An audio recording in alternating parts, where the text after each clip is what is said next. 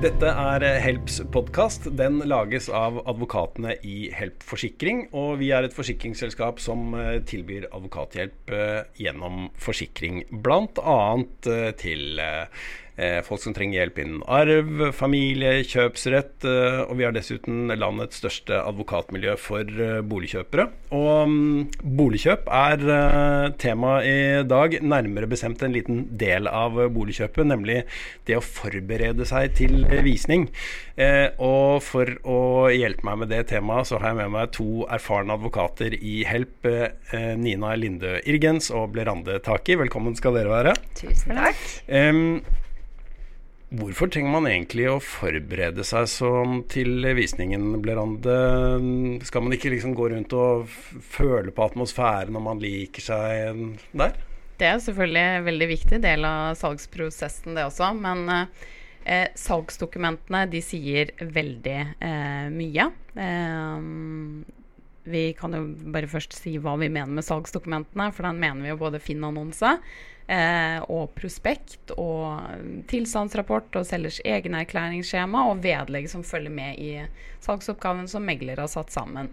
Og Da er det veldig viktig at man leser gjennom hele den uh, salgsoppgaven. Og jeg vet at det kan være litt mye iblant, fordi uh, det er noen uh, meglere som kanskje ikke klarer å balansere informasjonen. altså vurdere hvor mye av informasjon trenger egentlig kjøper.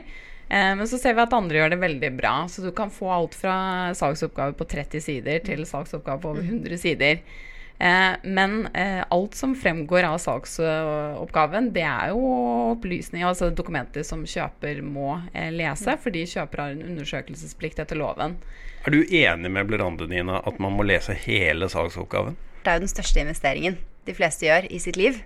Um, og selv om det er mange sider, så er det ikke så mange sider. Mm. Så hvis man vet at man skal på visning Typisk så legges en bolig ut på, for salg på fredag, kanskje. Fredag mm. ettermiddag. Og så vet man at man skal på visning da påfølgende søndag, f.eks. Eller en uke etterpå.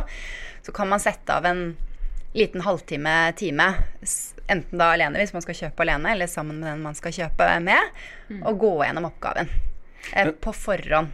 Før visning. Det er veldig viktig, for det er mange som uh, velger ut. altså Ofte så er det jo, har man avtalt kanskje tre-fire visninger på én dag, og så mm. drar man på disse visningene, og så har man ikke lest salgsdokumentene. Det mener vi jo, tror jeg, Nina er enig her, at det kan være veldig dumt, fordi det fremkommer ofte nyttig informasjon eh, i salgsdokumentene, og det er mye enklere å vite hva man skal se mm. etter i, på visning eh, når man har lest dokumentene på forhånd. Har man ikke gjort det, så går man jo bare rundt og titter, og så er det ikke noe konkret man mm. kanskje ser etter. Eh, så vårt budskap er eh, hvis man kun skal lese salgsdokumentene én gang, så bør det være før visning mm. eller enn etter. Mm. Ja, vi skal dykke litt uh, mer ned i materien etter hvert, og vi skal gå inn og se litt på en, et salgsdokument også. Um, men dere var jo inne på at ofte så er disse rapportene veldig lange, så du må sette av tid da, hvis du skal forberede deg til visningen. Det er ikke bare det kvarteret du får nå for tiden. Mm. Um, men det er jo heldigvis, vil mange si, ganske mange bilder i salgsdokumentene. Kan jeg hoppe over de, eller er de også viktige? Jeg tenker jo de er uh, veldig viktige. Og én ting er jo at de ofte er uh, De er ofte litt sånn stylet. Det er brukt litt uh, filter. ofte så er det fyr på peisen som har blitt redigert inn i ettertid og sånn. så det, bildene kan jo være pyntet på litt. Um, men det vi ofte ser, er at vi kan jo f.eks. få saker meldt inn til oss om en skade, da. Skade på flis, skade på parkett, skade på vegg, kanskje et punktert vindu. Og så blar man til den siden i saksoppgaven, og så sier man Men det, det ser man jo på bildet. Eh, og da er det jo vanskelig å komme i ettertid og si at dette visste jeg ikke. Mm. For alle dokumentene i saksoppgaven, det er også et poeng, da. Det inngår jo som en dette avtalegrunnlaget. Mm. Eh, når man signerer, når man legger inn et eh, bud, og selger aksepterer det budet, så er det hele den smæla med dokumenter. Det er avtalen. Så, um, så, det er viktig å se på bildene også. Så bordet fanger fort. Hvis jeg ikke har fått med meg en liten opplysning som står et eller annet sted i salgsoppgaven, så er det ikke så lett å klage på det i ettertid. Det er det man skal ha i tankene da. Absolutt. Det kommer an på hvor klar opplysningen eh, har vært, men det vi ofte ser, altså knytta til bilder, det er at man har en eh, tekst under. Eh, hvor man kanskje opplyser at dette er et soverom i, i kjeller eh, som ikke er godkjent for varig opphold. Og det mm. kan stå under det ene bildet mm. av, eh, av, det soverommet. Eh, og det er klart at eh, man, man, kan da ikke si at den opplysningen fremkommer ikke et annet sted. altså Den fremkommer under et bilde, og derfor fikk vi ikke den med oss. Så det er viktig at man ikke ba bare blar igjennom bildene, også, men faktisk mm. bruker litt tid på å se på de. Mm. Eh, jeg tror vi skal få opp en uh, side fra salgsoppgaven her nå, ja, men uh, jeg har lyst til å før vi, før vi, går inn på hva som står på den siden, så kan vi gripe fatt i det du akkurat sa. Hvis det står opplyst at det er et rom som ikke er godkjent som for varig opphold, f.eks. et soverom. da. Mm.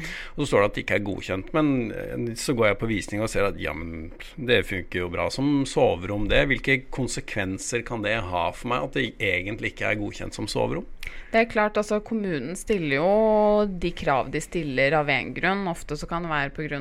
rømningssikkerhet. Mm. Hvis det skulle begynne å brenne så, så, og du ikke klarer å rømme fra det rommet, Uh, noe du kanskje ikke klarer fordi det ikke er godkjent for varig opphold, det oppfyller ikke de kravene, så, så, kan det jo få fatale konsekvenser.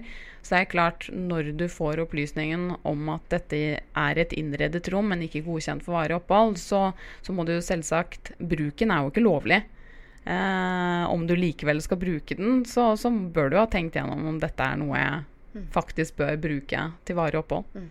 Og hvis du da skal uh, være flink og uh, gjøre det nødvendige for at uh, det skal bli godkjent, så er det ikke alltid man lykkes med det engang. Nei, det er absolutt Nei, det kan være, det kan være enkelt. Mm -hmm. Noen ganger så er det så enkelt som at du kan kan søke selv. Mm. Sende inn en søknad og si kan denne boden få bli et soverom hvis jeg setter inn et større vindu, og så er alt helt fint. Mm. Fordi alle disse kravene som Bleranda har vært innom, er ivaretatt.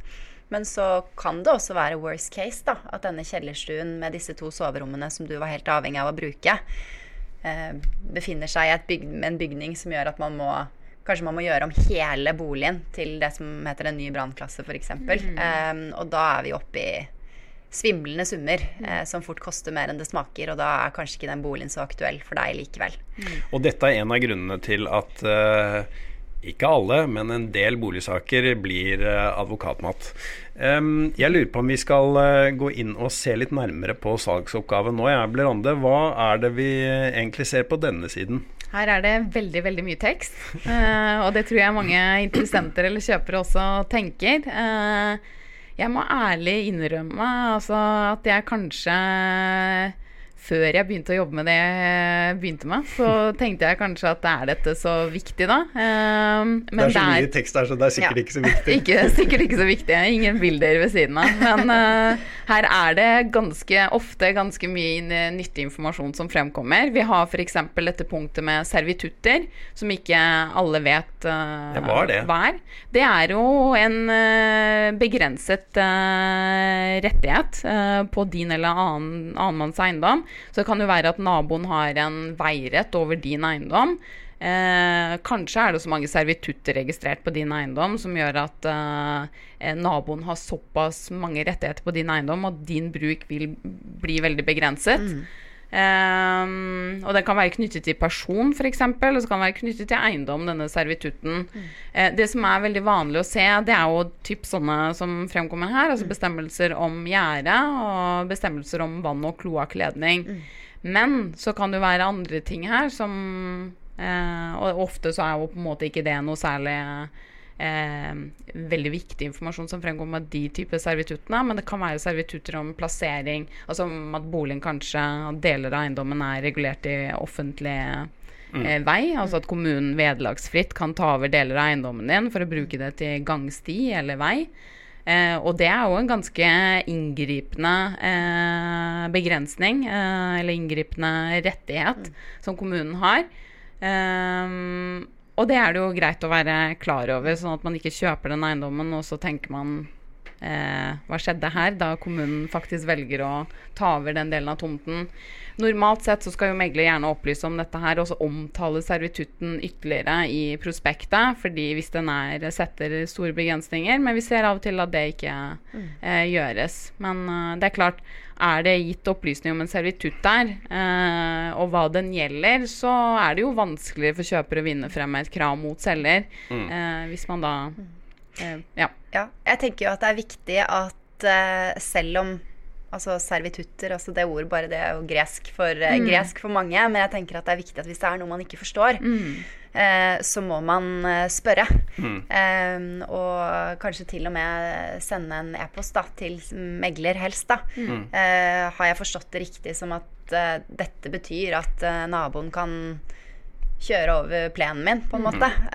og så har man det i hvert fall har man det skriftlig. Det kan mm. være veldig kjekt. Og også da igjen mm. så synliggjør det at det er viktig å sette seg inn i disse dokumentene før visning. Du kan jo si litt uh, om hvorfor vi anbefaler å skriftlig stille de spørsmålene. Ja, det er jo, er jo, dette her å skulle bevise da, i etterkant. Mm. Hvis, uh, hvis, man kommer til en situasjon hvor, uh, hvor kjøper forteller at nei, men på visning så, så ble dette og dette sagt, eller Eh, ja, kjøper stilte dette spørsmålet, eh, og da avklarte megler det, og det var kjøper innforstått med. Eh, mm. Kanskje, ikke sant. Blir det sagt etterpå, så er man i en, en tvist, en uenighet om hvem som sa hva. Mm. Eh, og det å da kunne vise til Nei, men jeg sendte jo en e-post i etterkant av visning eh, hvor jeg eh, redegjorde for mitt syn, og og da har man, har man, det. Det er mm. veldig, veldig lurt. Det er kanskje tre, kanskje tre, forhold da man er usikker på, og så kan man avklare det punktvis i en e-post. Mm. Mm. Eh, så servitutt er altså en rettighet noen andre har over, eh, i dette tilfellet, denne eiendommen. Da. Det kan være kommunen, eller det kan være en eh, nabo. Mm. Eh, en eh, annen ting som ofte står i uh, de delene av salgsoppgaven hvor det er veldig mye tekst, handler om uh, ferdigattest eller midlertidig brukstillatelse. Ja. Mm. Det er også et uh, tema som kan være veldig viktig å få med seg og stille spørsmål hvis man oppfatter at dette er litt uklart fortalt i, eller forklart i salgsoppgaven. men aller først, hva sier ferdigattesten eller brukstillatelsen? Eh, ferdigattesten sier ofte ikke så mye. Eh, den bekrefter at eh, søknadsprosessen eller byggeprosessen er avsluttet. Så det er det siste dokumentet du får av kommunen. Og der står det ofte at det vises til søknad og etterfølgende korrespondanse, og at tiltaket anses som godkjent, uh, og at det utstedes ferdigattest for det tiltaket. En slags kvittering, kanskje? Ja, det kan man jo egentlig si. Det at det mangler ferdigattest i seg selv, er eh, sjelden en mangel. men ofte så kan manglende ferdigattest være en indikasjon på at det er opprettet et tiltak på eiendommen, f.eks. et tilbygg, som ikke er godkjent. For, I og med at byggeprosessen skal avsluttes med ferdigattest. Og så er det jo sånn at jo nyere tiltaket er, eh, desto større indikasjon på at det kan være en lovlighetsmangel. Mm. Eh, at det ikke foreligger um, ferdigattest. Eh, for bygg før 1940-tallet så, så, snakker vi sjelden om ferdigattest. Da snakker vi om et ekspedisjonsdokument. Mm. Eh, og det er rett og slett en byggeanmeldelse. Så det er ikke uvanlig for, for gamle bygg. Eh, men det kan være greit å, når man er på visning f.eks. Nå kommer vi en ny pod med det som tema, men jeg forgriper meg her og, at, og sier at eh, har du, ser du at en kjeller f.eks. er innredet i nyere tid, mm. eh, og det ikke står noen ferdigattest for den kjelleren, mm. og det er en gammel bolig, så kan det være en idé å spørre om mm. hvorfor det ikke foreligger ferdigattest for den mm. kjelleren. Er den godkjent uh, som tilleggsdel til hoveddel? Er rommene godkjent for varig opphold? Det, det, mm. det er et uh, relevant spørsmål. Mm.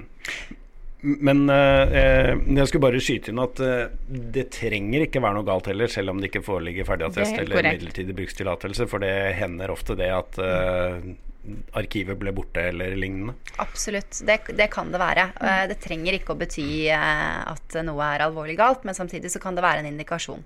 Og da er det jo så viktig å, å få en avklaring da, fra megler. Er, er ting i orden? Mm. Ikke sant? Det er, jo det, det er jo det kjøper ønsker å vite. Så skal det jo også sies at, uh, at megler har jo en særlig plikt mm. til å si at ok, er det f.eks. et lite trehus på Sørlandet som er verneverdig, f.eks., og så er det bygget en sånn funkis glassveranda på siden, så bør jo kanskje megler tenke at uh, hm, er dette godkjent hos kommunen? ikke sant? Det bør ringe noen bjeller. Mm. Da skal jo megler også synliggjøre det veldig tydelig mm. overfor, overfor, kjøpere. Mm. Um, men uh, det er ting man kan tenke over selv også, da, før man går på visning. Mm. Ja, og siden du er inne på det, så er det en del av meglers uh, oppdrag. Ja, det er derfor man bruker meglere. Megler skal innhente og bearbeide og formidle uh, relevante opplysninger som jeg som potensiell kjøper har lyst til å vite. Mm. Um, I dette tilfellet her, da, denne uh, siden er hentet ut fra en salgsoppgave fra en sak som jeg uh, har, og her viser det seg at boligen altså Det var en tremannsbolig, tre leiligheter i, i, en bolig. Så var det opplyst om at dette var tidligere en enebolig. Eh, og da er det jo naturlig å se på punktet ferdigattest. Eh, når blir det gitt ferdigattest for tre ombygging til tre boliger? og det står det jo ikke noe om i denne salgsoppgaven her. Så um, det skulle det jo gjort. Uh, når man har fått opplysning om at det tidligere har vært en enebolig, og så omgjort til tremannsbolig. Mm. Her er det kanskje flere som uh, hvor du burde ringe en bjelle da, når disse unnskyld, for, uh, opplysningene foreligger. Men hvis, hvis uh, jeg leser en salgsoppgave, og så ser jeg at her er det ikke noen ferdigattest eller midlertidig brukstillatelse, vil dere da råde meg til å kikke på byggetegninger hvis jeg finner de, og ser om huset ser ut sånn som tegningene på en måte varsler? da? Nå er det jo sånn som vi har vært inne på, det er jo megler som plikter å opplyse om eh, Altså gi opplysninger som kjøper har grunn til å regne med å få. Og megler er jo ofte mer egnet til å kunne finne ut av om tiltak eh, som er opprettet på eiendommen, er godkjent. Eh, så det er litt vel mye forlangt av en mm. kjøper å skulle vite at det er tidligere enebolig det bør det foreligge ferdigattest for, for de mm. fleste vet jo ikke hva, hva som krever ferdigattest. Um, så, men, men, det er likevel greit å være våken på visning, sjekke, og så ser man som sagt at uh, kjelleren er helt nyinnredet, og det ikke er gitt noen opplysning om ferdigattest, og du får opplysning om at den er innredet i 2017 f.eks., mm. så er det noe som krever ferdigattest, og da bør man kanskje mm. stille et mm. spørsmål. Mm. Men, men, men, men selgers opplysningsplikt går ja, før kjøpers ja. undersøkelsesplikt. For det er klart at får man en, eh, får man en blekke da, på kanskje 100 sider med dokumenter, og så er det inntatt på siste side at uh, forresten uh, Så den, det foreligger ikke ferdig attest, eller det er kanskje skrevet på en sånn veldig komplisert måte som gjør at uh, folk flest forstår ikke uh, budskapet i det innholdet, mm. uh, så kommer ikke selger unna med det. men samtidig, da, da må man starte en prosess. Da man må reklamere, og det blir en sak ut mm. av det. så det er jo selvfølgelig å foretrekke å, av, foretrekke å kunne avklare sånne uklarheter på forhånd. Mm. Og hvis man da bare sender en melding da, til, eller en e-post f.eks. Til, til megler og spør er det godkjent? Er alt i orden? Er det noe jeg trenger å tenke på? Mm. Eh, så skal jo megler da kunne informere da, og gi deg den informasjonen du trenger for å kunne ta stilling til om dette er boligen for deg eller ikke. Ja, og selv om, selv om uh, megler skal hente ut og gi deg relevant informasjon, mm. så ønsker jo alle vi som går på visninger å unngå negative overraskelser mm. i ettertid. Og jo mer detektiv eh, og jo, mer, og jo grundigere man er, jo større er sjansen for at man unngår eh, mm. problemer mm. etterpå. Eh, og en et lite hint kan jo være at hvis du er på visning eh, på et hus som er noen år gammelt, da, enten mm. det er 1918 eller 1983 for den saks skyld, hvis du ser at uh, hm, uh, det ser ut som det er gjort noe med huset, mm. det er kanskje bygd på litt, uh, det er kommet opp et tilbygg der, og sjekke om det faktisk er godkjent, hvis du mm. ikke finner noe informasjon om det. Det skader ikke. Det er jo som du sier, um, altså megler og selger skal jo opplyse om disse forholdene. Men det er bare det å unngå å havne i en mm. tvist ettertid. Med, med selger så er det kanskje gitt en svak risikoopplysning, mm. og så brukes det for det det er verdt av mm. uh, motparten din. Mm. Uh, så, så, så, blir den saken gående. Så det bare så lenge man undersøker grundig nok, så er det jo ikke altså, Man ber ikke om mer enn at man leser saksdokumentene og prøver å sette seg inn i de opplysningene man får. Å skulle begynne å le lete etter feil, det er jo ikke det som er uh, budskapet vårt. Mm. Uh, men det er rett og slett å forsøke å forstå de opplysningene som faktisk er gitt. Mm. Det er veldig mye vi kan uh, snakke om, og vi, vi, rekker ikke å ta alt like mm. grundig i en episode som dette. Vi skal om ikke så lenge gå videre til å snakke om en annen viktig del av salgsoppgaven arbeidsoppgaven, nemlig eh, selgers egenerklæring. Hva slags eh, svar får man egentlig på spørsmålene som stilles i egenerklæringen? Det som er fint med dette skjemaet, altså dette er jo boligselgerforsikringsselskapene som har laget. Uh, det er veldig mange relevante spørsmål her mm. som gir det, forhåpentligvis gir deg svar på eiendomstilstand og historikk. Mm. Um, og så har det selvfølgelig betydning hvor lenge selger har bodd i boligen. Uh, her ser du at selger ikke har bodd i boligen, og da er det klart, da får du jo mindre eh, mindre svar eh, enn en selger som kanskje har bodd der en stund. Og hvis det er en selger som har bodd der i 20 år, og det ikke er noe svar, så kan det jo kanskje være grunn til å reagere litt. Eh, men, men i alle fall, altså de svarene som fremkommer av egne erklæringsskjema, de er ofte veldig forskjellige. Noen skriver veldig utfyllende, andre skriver, mm, altså bruker knapt to-tre ord. Uh, men, men, det er veldig viktig altså, å være godt gjennom skjemaet, se hvilke spørsmål som stilles og hvilke svar man får. Mm. Er det f.eks. opplyst om ufaglært arbeid, så er det jo en risikoopplysning kjøper har fått, for det er jo grunn til å stille mindre krav til arbeid uh, utført av ufaglærte kontra faglærte. Mm. Nå kommer jeg på hva jeg skulle spørre om. fordi Det hender jo at uh, Hvis vi tar bad som eksempel, da, ja. så hender det jo at det står én ting i uh, selgers egenerklæring om mm. hva som er gjort. Uh, egeninnsats, uh, sånn og slik. Jeg pustet opp badet selv. Men så står det kanskje noe litt annet i prospektet, da. Mm -hmm. I, tidligere i salgsoppgaven. Hvordan skal jeg forholde meg til den type opplysninger, egentlig? Jeg tenker at det er viktig å huske på at uh, alle opplysningene som fremgår av uh, ikke bare sånn salgsoppgaven som sådan, men vedleggene også, det skal ses i sammenheng. Mm. Så typisk så kan det jo f.eks. stå i prospektet 'bad pusset opp i 2020', f.eks. Og det høres jo kjempefint ut bad fra 2020. Da trenger ikke å tenke på det på 20 år. ikke sant? Men man kan ikke stoppe der. Man må gå inn i egenerklæringsskjema. Eh, helst så skal det jo stå litt mer i prospektet også. Mm. Eh, og kanskje også i takst- eh, eller tilstandsrapporten. Um, uten at vi trenger å gå noe nærmere inn på det. Men i egenerklæringsskjema så vil det jo typisk være huket av for hva som er gjort. Eh, er sluket byttet? Mm. Um, er det gjort faglært? Er det gjort litt faglært og litt ufaglært? Her er det, som Leranda allerede har vært inne på, uh, mye informasjon å hente om hva slags berettigede forventninger eller hva slags forventninger kjøper kan ha til badet, og, og levetiden. Da. Uh, dette med bad pusset opp 2020 kan jo vise seg å være at ja, det er pusset opp. Vi satte inn et nytt dusjkabinett, og så la vi flis på flis.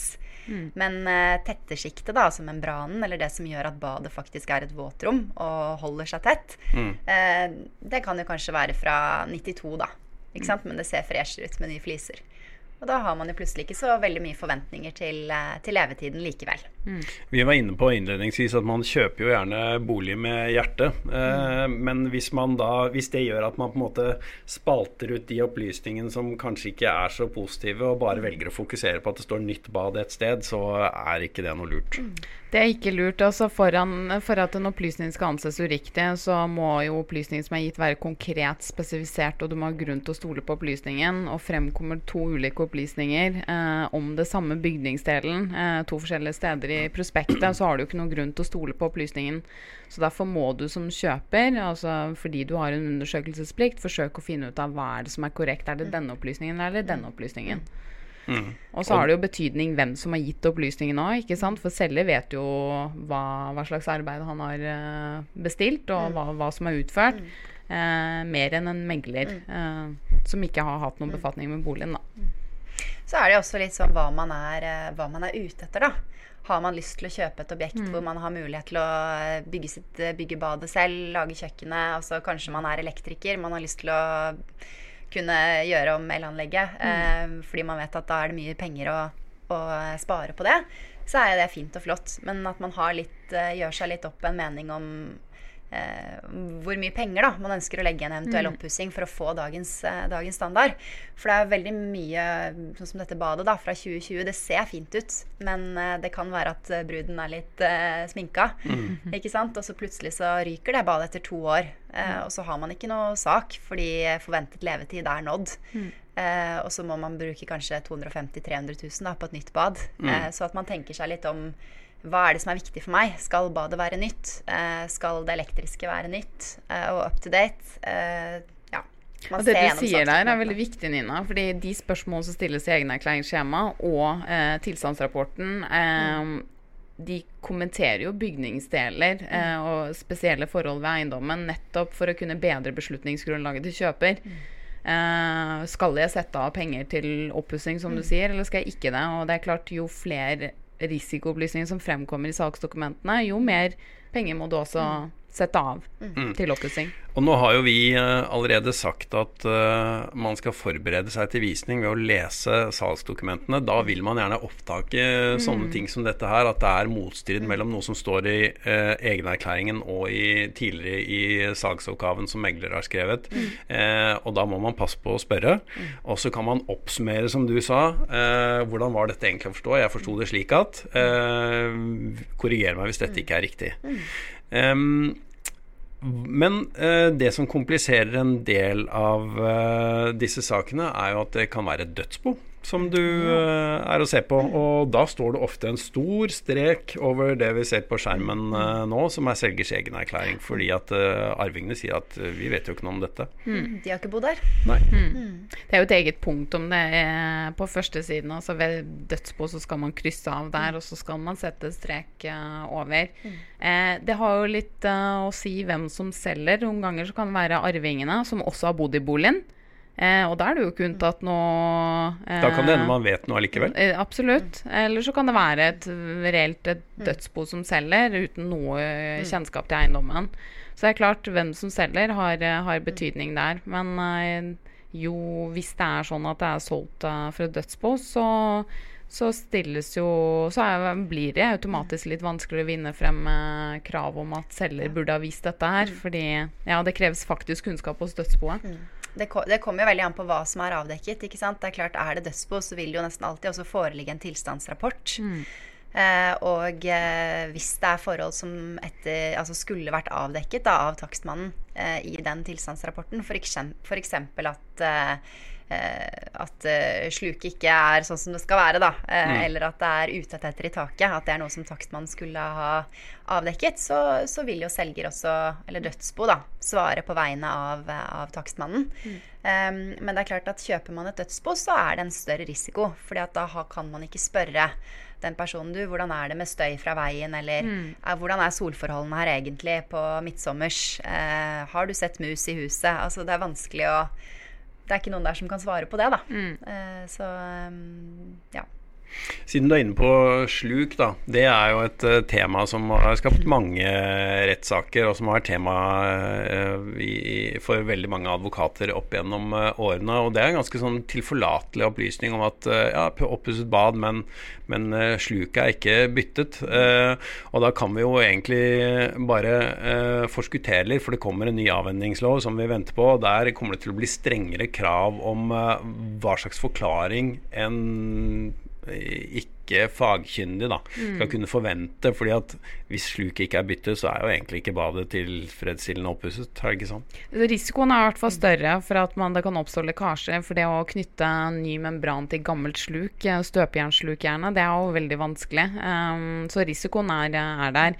Eh, med ny lov så vil det absolutt uh, Vi håper i hvert fall at det vil bli mye bedre. For der vil det jo være krav til bl.a. at man eh, minimumsbygningssted Altså eh, man skal absolutt vurdere konkrete bygningsdeler, og så eh, får det bli opp til enhver eh, takstmann å vurdere andre typer bygningsdeler som kanskje ikke er så eh, vesentlig å få informasjon om. Eh, og så vil eh, takstmannens undersøkelsesplikt være, mm, strekke seg litt lenger. Eh, kanskje vil det være sånn at man må eh, skjære til et lite hull på den andre siden eh, på, på det rommet som grenser til baderommet, for å se om det er noen pågående lekkasjer. Eh, og så må man jo gjerne opplyse om sammenhengen mellom de ulike bygningsdelene. Altså hvis det er eh, taklekkasje eh, problematikk i den boligen, så må man opplyse om det med tak. Men sånn som det er i dag, så vil man jo eh, snakke om skade på kledningen på andre steder. Eh, mens med ny takstmannsforskrift så vil man, eller ny avhendingslov så vil man knytte de eh, opplysningene nærmere eh, hverandre, sånn at man forstår hele sammenhengen. Altså du har skade på veggkonstruksjon fordi du også har taklekkasje. Så, så jeg, jeg håper virkelig at det vil bidra til eh, bedre informasjon ved, ved, ved salg, og det, det tror jeg på. Altså. Ja, for nå kan vi jo se eksempler på at eh, Som du sier, da, det kan stå at eh, opplysninger om at taket eh, er dårlig. Eh, samtidig så står det at det er et kjempefint loft som du kan få masse glede ut av, men eh, det forutsetter jo gjerne at du gjør noe med taket, da. At du har et tett tak, ja.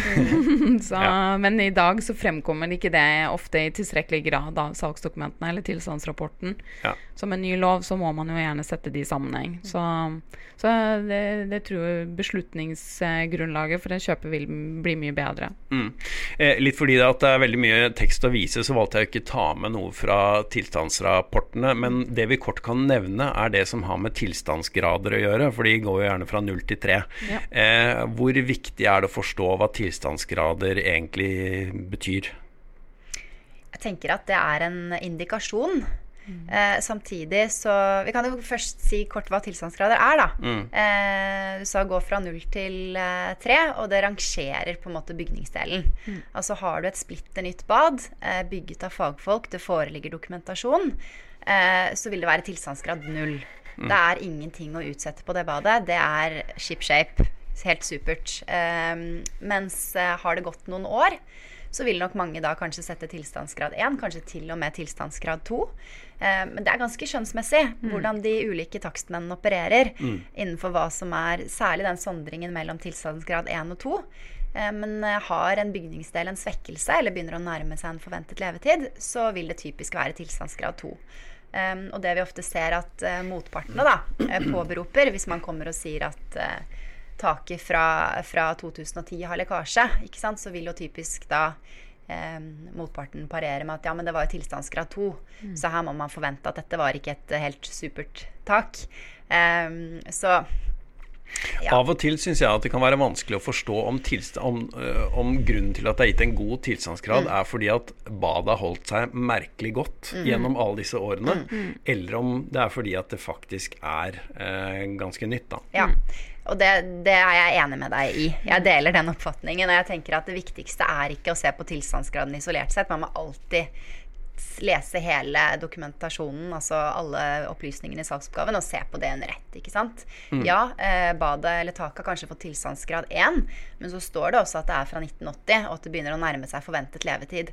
Og da er det kanskje ikke så upåregnelig at det dukker opp en lekkasje to år ut etter eh, man har flyttet inn. Mm. Eh, og det vil jo typisk da kanskje være kjøpers risiko, da. Og det er mm. veldig viktig det Nina sier, at man må supplere den tilstandsgradssettingen med opplysninger som er gitt rett ved siden mm. av. For ofte forklarer jo takstmennene hvorfor de har satt den tilstandsgraden de har satt.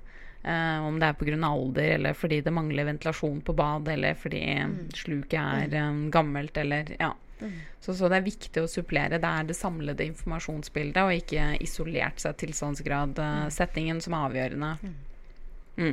Det er litt som uh, når man leser aviser, man må lese lenger enn tittel og ingress uh, ja. ofte for å forstå hva saken uh, handler om. Um, vi skal gå litt videre i salgsoppgaven, og det vi ser på skjermen her nå, det hører til den delen av salgsoppgaven som er liksom Eh, vedlegg. Eh, andre ting som man får fra kommunen. Og der må jeg nok innrømme at eh, det leser ikke jeg like nøye, dessverre. for det burde man gjort i den saken her, burde man ikke ja. det, Blerande? Jeg tror ikke du er alene om å tenke det. Matrikkelrapport, hva er egentlig det? ikke sant? Men ja, hva er det? Det er eh, Matrikkelen, eh, der føres jo rettighetene, altså boligens rettigheter, eh, inn, eh, blant annet. sånn som du ser i dette her, så eh, får man opplysning om boligen er registrert som en enebolig eller som tomannsbolig eller tremannsbolig. Eh, I dette tilfellet her så står det jo i eh, matrikkelrapporten at eh, to av boligene i den tremannsboligen ikke er godkjent. Eh, og det er jo ganske viktig informasjon. Først må man gjerne sjekke om eh, det gjelder ens egen bolig, eller eh, om det at altså Hvis det ikke gjør det, at det er de to andre, får det betydning for din bolig. Ja, for det kan det. Eh, det kan det absolutt. I dette absolutt. tilfellet så er det jo en enebolig som er omgjort til en tremannsbolig. Da kan ikke legge til grunn at din bolig er den som utgjorde eneboligen. Gjerne så har man jo da splittet opp eneboligen, så eh, min klients leilighet er også eh, ikke godkjent i dette tilfellet her. Så, så, den uh, sier ofte Har veldig mye nyttig informasjon om hvilke, hva som er registrert på eiendommen. Mm. Offentlig eh, tilkobling til vann og avløp, eller er det septiktank? Uh, ja. Mm. Så det er greit å se på dette. Men det er klart, den informasjonen om at de leilighetene ikke er godkjent, den burde jo megleren ha plukket opp. Ja. Eh, så så det, det er litt sånn begrenset hva man kan forvente av den gjengse kjøper som ikke har eh, denne kompetansen. da. Men hadde man sett etter, så ville man sett eh, det Så som står i gult der, at eh, det står ikke godkjent. Og det gir i hvert fall grunn til å stille noen spørsmål, da. Mm. Eh, andre deler av disse vedleggene som man eh, kanskje burde ta en titt på, det er jo ofte noe kart med der. Mm. Hva kan man få ut av de, egentlig? Det kan være sånne reguleringskart kan jo vise f.eks. en servitutt. da, At eh, kommunen, man ser grensene hvor kommunen har rettighet over din eiendom. Eller så kan det være at um, man f.eks. får fremvist uh, Du er på visning, og så ser du at et gjerde går der det går.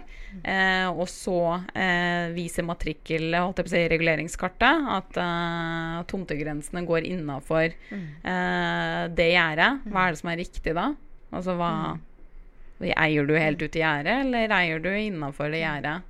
Ja, prøv å sammenligne kart og terreng, rett og slett. Ja. Eh, ser det ut som gjerdet går der det skal gå i Mm. henhold til kartet, og forstår du ikke de stiplede linjene som går over kartet, spør megler hva Mm. dette er for noe.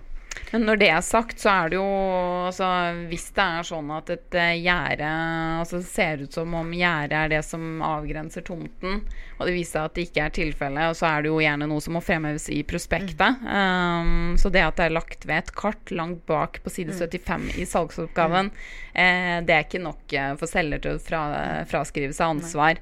Men det er klart, igjen, som vi var inne på i stad, det å kunne finne ut av dette i, for, eh, i forkant, sånn at man slipper den etterfølgende tvisten, det er verdt det. Det er jo mye det det handler om. Eh, for eh, ja, holdt på å si, selv om, man, selv om man går på en visning, og så kjøper man eh, basert på det man leser i salgsdokumentene, kanskje man leser da ingressen, ikke sant, som du var, som du var inne på, eh, så, så vil man jo alltids kunne kunne reklamere dersom man mener at noe ikke kom tydelig nok fram. At man ikke har fått den informasjonen man hadde grunn til å regne med å få etter loven.